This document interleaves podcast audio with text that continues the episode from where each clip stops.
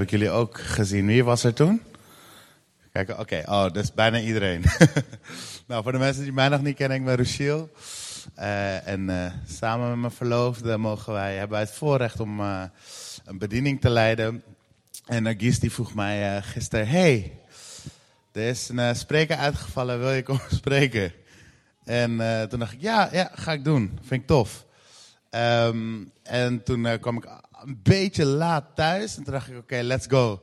Daar gaan we nu ook al in. Dus uh, het gaat hartstikke mooi worden. En ik vind het heel mooi dat we avondmaal gaan vieren. Of hebben gevierd net. Want ik wil het met jullie hebben vandaag zometeen over het bloed van Jezus. En niet alleen het bloed van Jezus, maar ook over onze houding daarin. En um, nou, daar ga ik jullie in meenemen. Maar voordat ik uh, daar naartoe ga, ik ga deze hier neerzetten. Uh, voordat ik daar naartoe ga, wil ik eigenlijk iets met jullie delen. Want um, wie is hier wel eens in Israël geweest? Oké, oké. Een paar echte diehard christenen natuurlijk. Nee, grapje. Uh, ik ben er ook een keer geweest. En uh, dat was in 2018. En toen ik daar kwam, toen dacht ik echt... Wow, alles valt op zijn plek. Had u dat ook? Ja? Ja? Jij komt thuis? Ja. Ja. Ja, ik heb precies hetzelfde gehad. En ik hoorde dat soort verhalen veel vaker van mensen. En ik dacht echt, ja, dat kan niet waar zijn. Maar het is echt waar. Als je in Israël komt of je gaat, ga alsjeblieft nog een keer. Uh, het, het klopt allemaal. Alles wat je leest van die ene bok, als een dierbok, tot aan de muren van Jeruzalem, alles klopt. Het is echt, het is fantastisch. En ik was daar met mijn broer, ik deed eerst een project daar en daarna kwam mijn broer en toen gingen we op vakantie. En op een gegeven moment gingen we naar het meest zuidelijke puntje van, uh, van Israël. Dat heet Elat. En daar kan je duiken. Dus mijn broer zei: Hey, Roes, weet je wat we gaan doen? We gaan duiken. En ik ben redelijk impulsief. Uh, dus ik zei: Ja, dat is goed. Maar ik had niet nagedacht van: Oh ja, ik ben bang voor water. En zeker voor diep water. En daar ging het eigenlijk mis. En mijn broer is echt adventure. Als je tegen hem zegt, kom gaan achtbaan, oh, kom gaan bungee jumpen, hij doet het allemaal.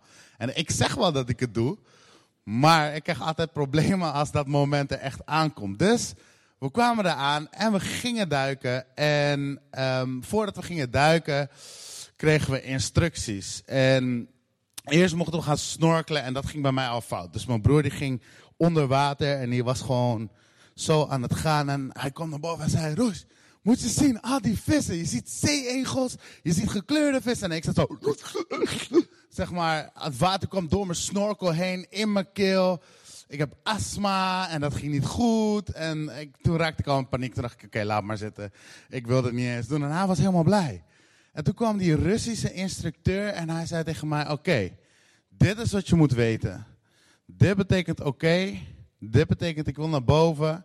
Dit betekent ik wil naar beneden. Dus dit gaat niet, dit is gewoon naar beneden. Dus ik denk, oké, dat is het. Bleek het dus totaal iets anders te zijn. En dat wist ik niet. Dus we gingen duiken en zij waren allemaal al weg. En ik dreef nog boven aan het water. Het ging dus echt compleet fout.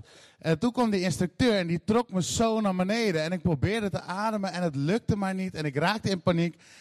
En ik weet niet of je ooit in een paniekerige situatie hebt gezeten. Maar als je in paniek bent, dan gaan dingen altijd fout.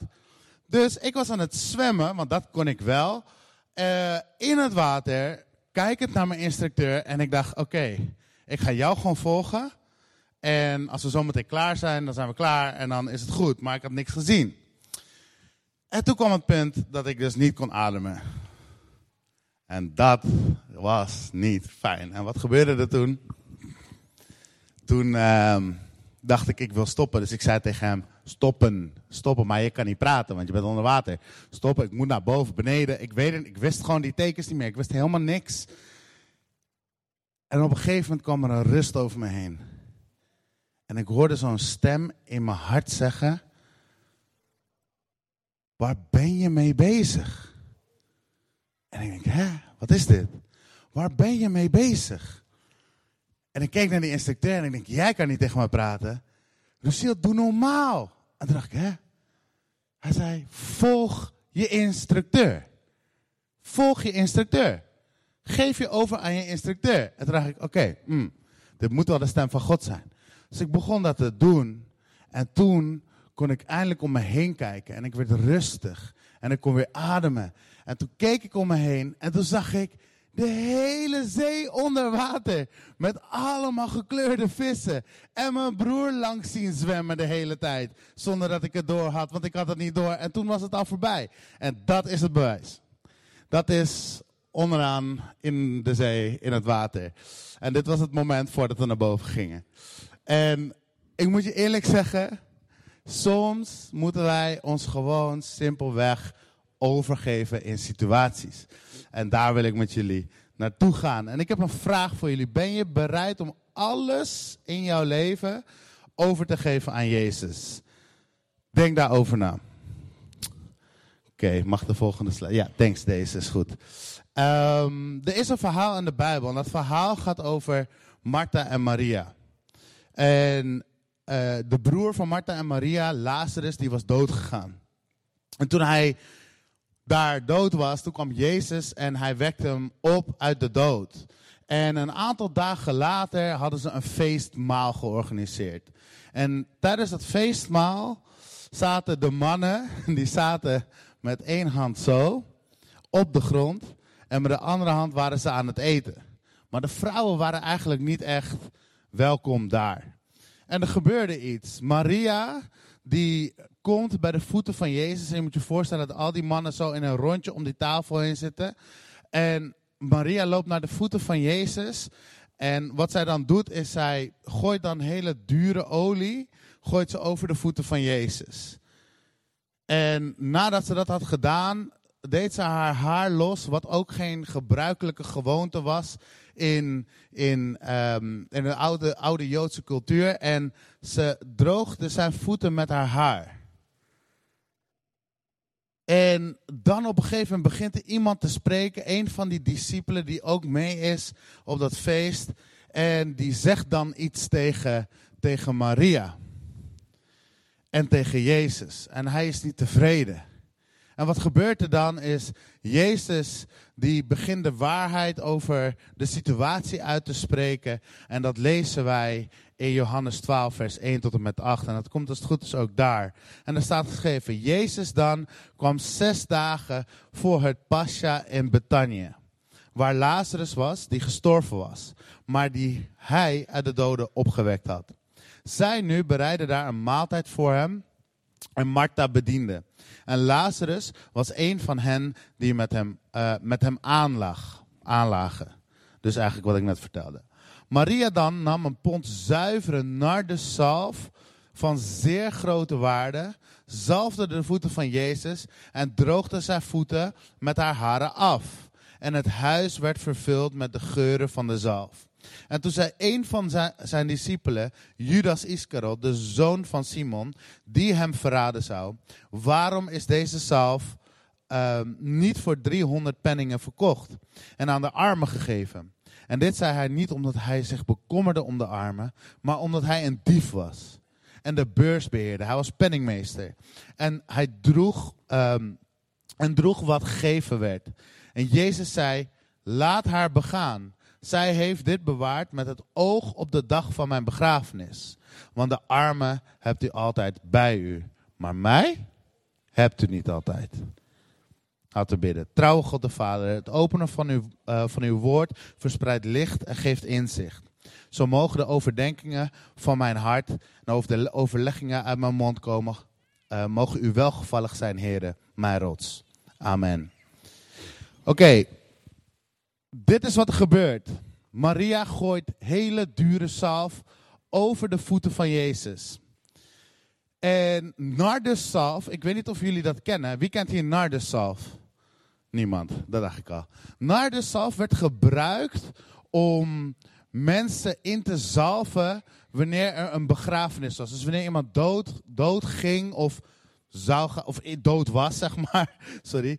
Wanneer iemand dood was, zalfden ze die persoon in met nardeszalf. Maar niet alleen dat, ook werd het gebruikt voor medicijnen. Dus het had een hele, hele, hele dure waarde. Ja, ik weet niet of je iets thuis hebt van, van hele dure waarde. Misschien een Rolex of een tv van, weet ik van, een paar duizend euro. Als je dat weggeeft, dan ben je het kwijt. En Maria hier had 0,5 liter, oftewel een halve liter aan olie. En dat gooit ze uit. Dat gooit ze uit over de voeten van Jezus. En niet alleen dat. In sommige vertalingen staat ook dat het over zijn hoofd werd gezalfd. En dat zalven, dat stond voor iets. Zalven deed men vroeger om iemand aan te stellen. Uh, zalven deed men om iets te laten zien van God of een talent weg te geven. We zien het terug in het verhaal van Elia en Elisa. Elisa die vraagt, ik wil de dubbele zalving van, van zijn meester. En dat gebeurde ook. Dus er is iets geestelijks aan zalving. En Maria doet hier iets. Maria gaat aan de voeten liggen van Jezus. En aan de voeten van Jezus, dat is de hoogste plaats. Dat is wat we altijd zeggen. Maar niet alleen dat, het is niet alleen de hoogste plaats. Maar Maria moest als vrouw zijnde komen op een plek waar ze helemaal niet mocht komen. Maria ging bij de mannen aan tafel en ze knielde neer. Ze moest over haar schaamte. Ze moest over alles heen gaan. Ze moest elke drempel overheen. Alle normen en waarden die ze had, moest ze achter zich laten. En wat ze deed is, ze ging dan aan de voeten van Jezus. En ze gooide die olie. En op dat moment dat ze dat doet, spreekt Judas. Spreekt iemand die eigenlijk het niet eens is. En wat we zien in de vertaling hier is dat Judas dat eigenlijk met opzet deed. Misschien wel zonder dat hij het door had. Judas liep met Jezus, Maria niet. En wat zei Judas? Judas zei, mag hij even terug? En nog eentje terug. Ja. En Judas zei, um, uh, waarom is deze zalf niet voor 300 penningen verkocht? En aan de armen gegeven. En dat was een vraag. Dat was eigenlijk een beetje een vraag als, hallo, ik weet het beter en wat jij doet klopt niet. Want ik loop met Jezus en ik vind het wel. En Jezus, die reageert daarop. En er staat zelfs hier, maar omdat hij een dief was en de beurs beheerde en droeg wat gegeven werd. Dus hij had altijd het geld had hij bij zich. En hij was een dief, want hij had Jezus eigenlijk, was dat al het plan om hem uit te leveren. Vreselijk. En wat gebeurt er dan? Mag hij verder? En Jezus zei dus tegen Judas, laat haar begaan. Oftewel, hou je mond. Zij heeft het bewaard met het oog op de dag van mijn begrafenis. Maria wist heel goed dat Jezus zou sterven voor hem. En toen ik dit las, dacht ik: Jezus, waarom snapte Judas dat dan niet? Judas liep toch met u? Drie jaar lang. Judas was toch met u? En ik moest gewoon denken aan: oh ja, wij christenen kunnen soms wel heel vaak met Jezus lopen en heel lang christen zijn. Maar soms kan onze hartshouding door onze ervaringen of dingen die we hebben meegemaakt, kan gewoon compleet verkeerd zijn. En ik werd even scherp gesteld. En ik dacht bij mezelf, ben ik niet wel eens een Judas geweest in zo'n situatie? Ik wil jullie ook vragen om daarover na te denken. Het is niet leuk om daarover na te denken. Want het liefst zijn we als Maria aan de voeten van Jezus. Of course. Daar gaan we het ook over hebben. Maar is het niet soms gewoon zo dat we een Judas in deze situatie zijn? Dat we gewoon gewend zijn om te wandelen met Jezus, maar eigenlijk niet te doen waar het echt om draait. Want waar het echt om draait, is de houding van Maria.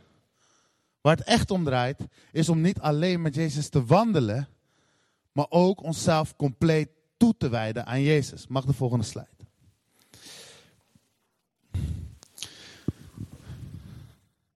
En dan gaan we kijken naar, uh, nog eentje verder. Dan gaan we kijken naar, naar wat Maria eigenlijk doet.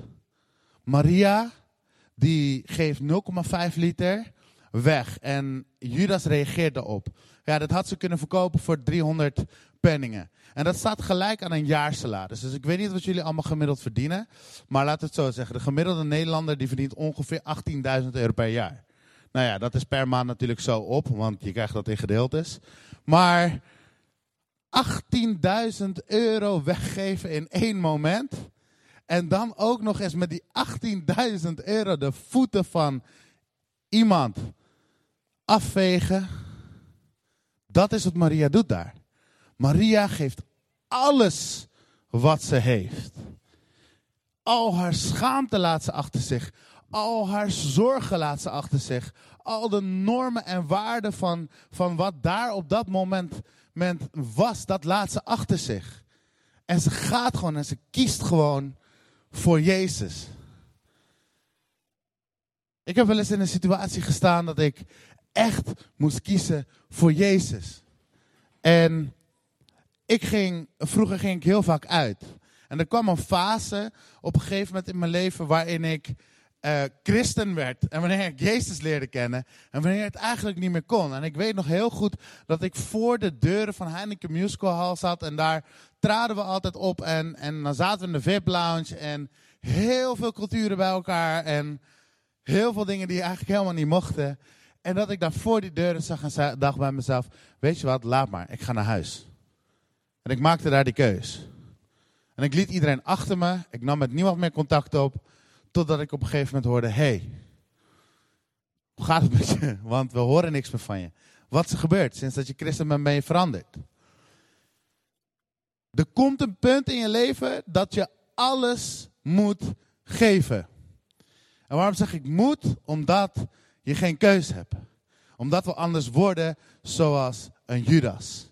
Er komt een punt in je leven dat je alles, maar dan ook alles aan Jezus moet geven.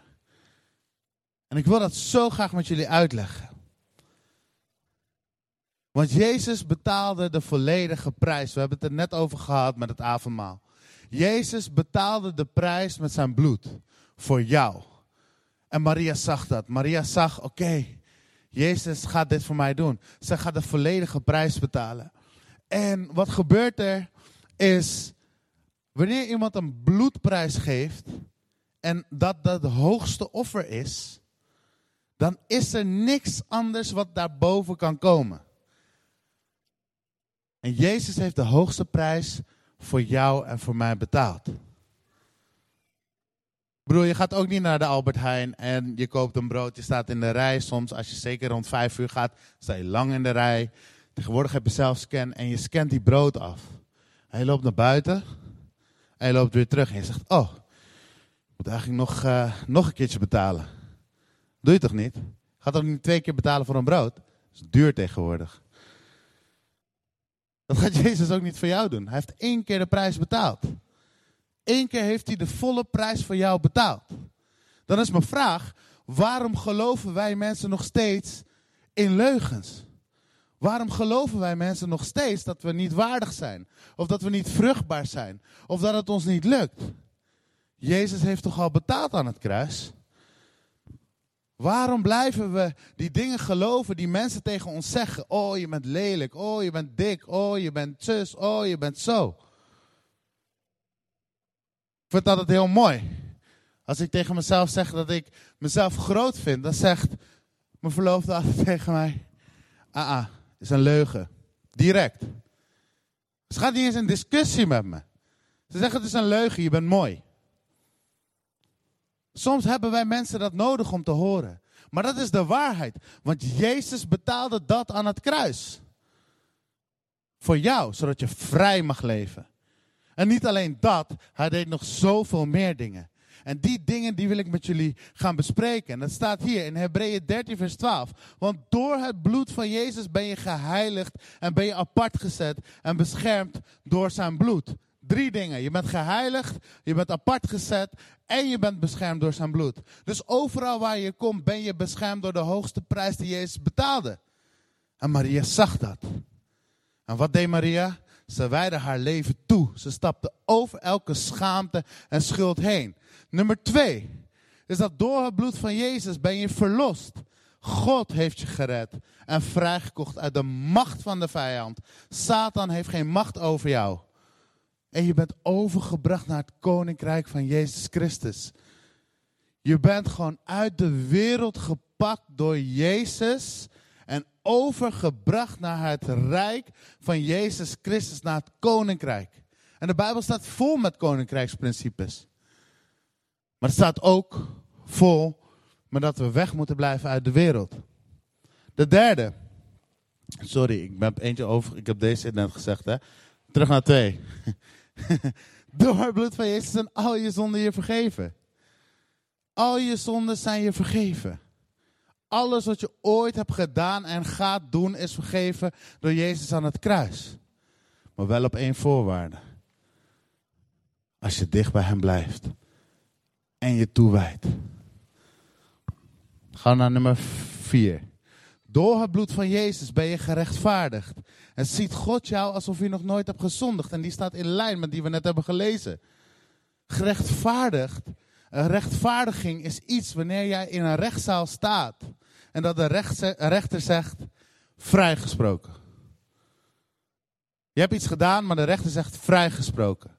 En dat is wat er gebeurt toen Jezus aan het kruis stierf voor jou en voor mij. Je bent vrijgesproken. Je bent vrijgesproken door het woord en door het bloed van Jezus.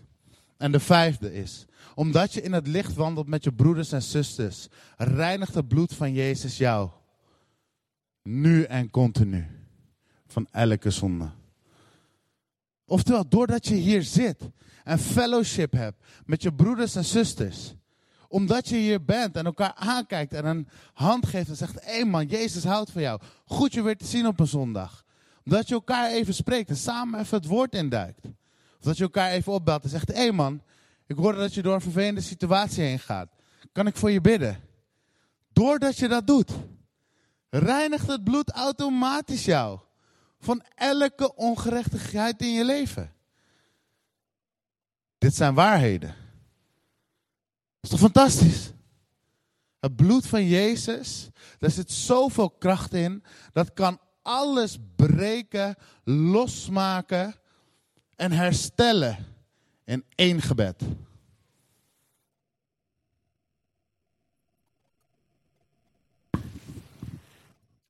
En als je denkt, oh, ik moet voor Jezus kiezen, dan wil ik iets moois tegen je zeggen. Jezus koos eerst voor jou. En dat staat, dat staat in Johannes 15. Uh, eh, nog eentje verder? Ja, staat hier. Niet u hebt mij uitverkoren, vers 16, maar ik heb u uitverkoren. En ik heb u ertoe bestemd dat u zou heen gaan en vrucht dragen. En dat u vrucht zou blijven, opdat wat u ook maar van de Vader vraagt in mijn naam, hij het u zal geven. En ik begin even daar en ik leg straks het andere stukje uit. Jezus koos eerst voor jou. Toen Maria daar lag, koos Jezus, had Jezus al voor haar gekozen. En er staat iets moois in de Bijbel. En ik ga het proberen uit te spreken. Met heel veel zoeken, het staat hier. In het Grieks is er een woord dat heet eklegomai. Waarschijnlijk spreek ik het helemaal verkeerd uit. en het Griekse woord betekent uitgepakt uit een groep. En Jezus, dit woord wordt gebruikt wanneer Jezus een discipelen kiest. En Jezus kiest zijn discipelen, maar hij had ze al lang gekozen. En zo heeft hij jou en mij al lang uitgekozen om vruchtbaar te zijn. En hier, dit woord vruchtbaar gaat niet over dat je alleen vrij bent, maar dat alles wat je doet, dat je daarin vrucht gaat dragen. Als jij een Bijbelgroep gaat starten, dat het vol gaat stromen. Dat mensen tot geloof komen. Want dat is uiteindelijk de bedoeling. Dat mensen leren over de vrijheid van Jezus. Dat mensen vrijkomen van gedachten en gebondenheden. En dat ze gaan doen wat Jezus van hun vraagt. Dat ze gaan opstaan en dat ze het evangelie gaan delen. Dat ze gaan delen waar het om draait. En als jij denkt van jezelf, ja, dat is echt helemaal niks voor mij. Wat is dan wel wat voor jou? Is het voor jou om er te zijn voor je naaste? Om je naaste lief te hebben, want dat is waar het hier over gaat.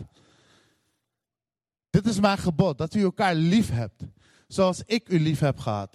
Niemand heeft een grotere liefde dan deze, namelijk dat iemand zijn leven geeft voor zijn vrienden. U bent mijn vrienden, als u doet wat ik u gebied. Ik noem u niet meer dienaren, want een dienaar weet niet wat zijn Heer doet. Maar ik heb u vrienden genoemd, omdat ik u alles wat ik van mijn vader gehoord heb, bekend heb gemaakt. Niet u hebt mij uitverkorenen, maar ik heb u uitverkorenen. En ik heb u ertoe bestemd dat u zou heen gaan en vrucht dragen. En dat u vrucht zou blijven op dat wat u dan ook maar uh, van de Vader vraagt in mijn naam, hij het u geven zal. Dit gebied ik u, dat u elkaar lief hebt. Wie heeft hier wel eens wat aan God gevraagd en heeft het ook gekregen? Ja. Dit principe is eigenlijk wat Maria laat zien wat we moeten doen. Jezus heeft het hier over mensen die in relatie willen staan met zijn vader en met hem. Jezus heeft het hier over dat we niet als een snoepautomaat, hè, bij de kauwgom, bij de plus, dat we zo een euromuntje erin doen, aan dat ding draaien en zeggen, God, ik heb je hart nog, amen. Die dingen, die, die gebedjes doe ik soms ook. Als ik dingen spannend vind, God, ik heb je nodig, amen. Oké, uit. Maar dat is niet wat God wil. God wil een relatie met jou. En een relatie, wanneer we in relatie staan met mensen, dan komt dat van twee kanten. Dan bel je elkaar op, zeg hé, hey, hoe is het? En de andere keer bel jij, hé, hey, hoe is het? En dat is ook hoe het met God zit. God wil elke dag tot je spreken. En sterker nog, als jij een relatie met iemand hebt, dan gaat die persoon met wie je een relatie hebt, gaat liefde voor je krijgen. En niet alleen liefde, hij gaat dingen voor je willen doen. Of zij gaat dingen voor je willen doen. En andersom. En zo werkt het ook met God. En dan zegt Jezus dit, en dat is zo mooi. En dan zegt hij, opdat wat u ook maar van de Vader vraagt in mijn naam, hij u dat geeft. Ik wil het eigenlijk niet hebben over materiële dingen, maar ik ga het toch doen. Ik rij nu een auto. En mijn vorige auto was stuk. En ik was heel sceptisch over die dingen. Maar vanuit deze tekst en vanuit mijn relatie met God heb ik God gevraagd. God, het maakt niet uit wat voor auto het is. Oké, wel een klein beetje, want ik wil gewoon een Range Rover rijden. Zo ging mijn gebed, letterlijk. En ik zei, maar God, ik heb een auto nodig die past bij mij, die niet te duur is en die gewoon perfect is voor mij in deze tijd. In Jezus' naam, amen. En toen begon ik te twijfelen. Toen dacht ik, oh nee, wat heb ik gevraagd aan God? Oh nee, dat kan echt niet. Oh, oh, oh. moet ik niet doen. Hij gaat straks boos worden. Of straks komt hij met een kleine Opel Corsa. Of misschien is het wat te groot en ik kan het niet betalen. Drie weken later rijd ik mijn nieuwe auto die ik nu rijd. En dat was onmogelijk. Ik had geen financiën, ik had geen werk, ik had helemaal niks. Want ik ging naar de garage toe en ik getuigde over Jezus. En hij zei, weet je, jij doet zo mooi werk, neem die auto maar mee. Alles wat je dan ook vraagt. Ik weet nog heel lang, een tijdje terug toen ik ging bidden voor mijn verloofde. God, ik heb nodig, ik wil een vrouw hebben, ik wil gaan trouwen. God, ik voel dat ik ready ben. En weet je wat God zei? God zei, want ik was aan het bidden en vasten. God zei, You are in the waiting room. Ja, en toen moest ik wachten. ik moest wachten. Maar in de waiting room gebeuren er altijd dingen. Je gaat magazines lezen, je gaat tikken, je gaat. Misschien ga je mensen bellen, je bent aan het vervelen. Maar een waiting room betekende voor mij dat mijn hart geschuurd moest worden. Dat ik gevormd moest worden om om gepast te zijn in de relatie waarin wij toen de tijd stapten. En dat vanuit die relatie. En ik leerde over dat principe van weggeven, maar alles geven. En dat deed ik. Ik gaf mezelf compleet, helemaal. En soms net even iets te veel. Hoe kan je dat te veel doen? Door geen grenzen te hebben. En God leerde mij om grenzen te hebben. Maria gaf alles. En Jezus laat dit principe zo mooi zien. Dat alles wat je vraagt in zijn naam, het je gegeven zal worden. Twee vragen. Ben jij bereid om alles te geven? Dat was de vraag waarmee ik begon. De andere vraag is: heb je die relatie die Jezus hier omschrijft met God? En sommigen zullen ja zeggen en sommigen zullen nee zeggen. En geen antwoord is verkeerd.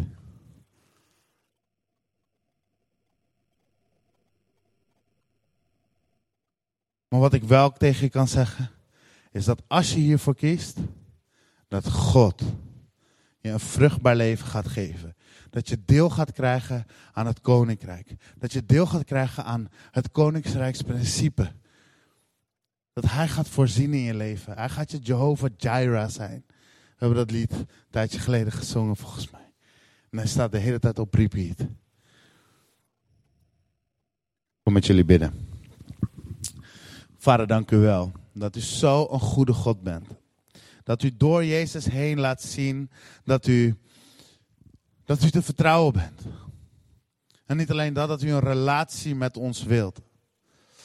En Heer, ik dank u dat Jezus zijn bloed gaf als de hoogste prijs om ons te redden, om ons leven te geven. Ik dank u, God, dat er kracht is in het bloed van het lam. En ik dank u, God, dat dat bloed wat vloeide van Jezus ons op dit moment wilt vrijzetten. Vrijzetten in onze gedachten, vrijzetten in de leugens, vrijzetten van alles uit het verleden. En ik bid zo God op dit moment dat ons hart wordt bewogen om die stap naar u toe te zetten. Om die toewijding volledig te geven zoals Maria deed. Ik dank u God dat u het bent die alles doet in ons leven. En dat wij niet uw dienaren zijn, maar dat wij uw vrienden zijn. En ik dank u Jezus dat u op dit moment wil komen. En ik nodig u ook uit op dit moment om een ieder aan te raken. Om een ieder aan te raken. En om te laten zien wie u bent. En vader, als we mogen vragen, alles in uw naam, dan wil ik u vragen dat u een ieder hier zegent. Heer, en dat die zegen van vruchtbaarheid, dat dat een waarheid gaat worden in het levens van een ieder. Van de kinderen, van de volwassenen, van alles wat jullie doen. Heer, ik bid zo voor en ieder die hier is, die die stap moet zetten, dat u alles breekt en verbreekt in uw naam, in de naam van Jezus, en dat er vrijheid komt. En toewijding. En liefde. In Jezus' naam.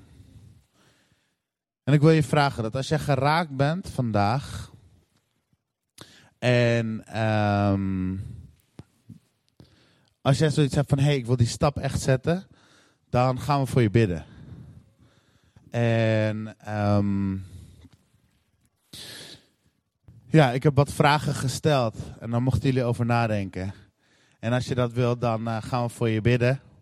Um, en dan willen we je naar die plek toe brengen. Naar de plek van Jezus, aan zijn voeten. Want daar is de allerhoogste plaats. Nagis, kom jij naar voren. En uh, gebedsteam.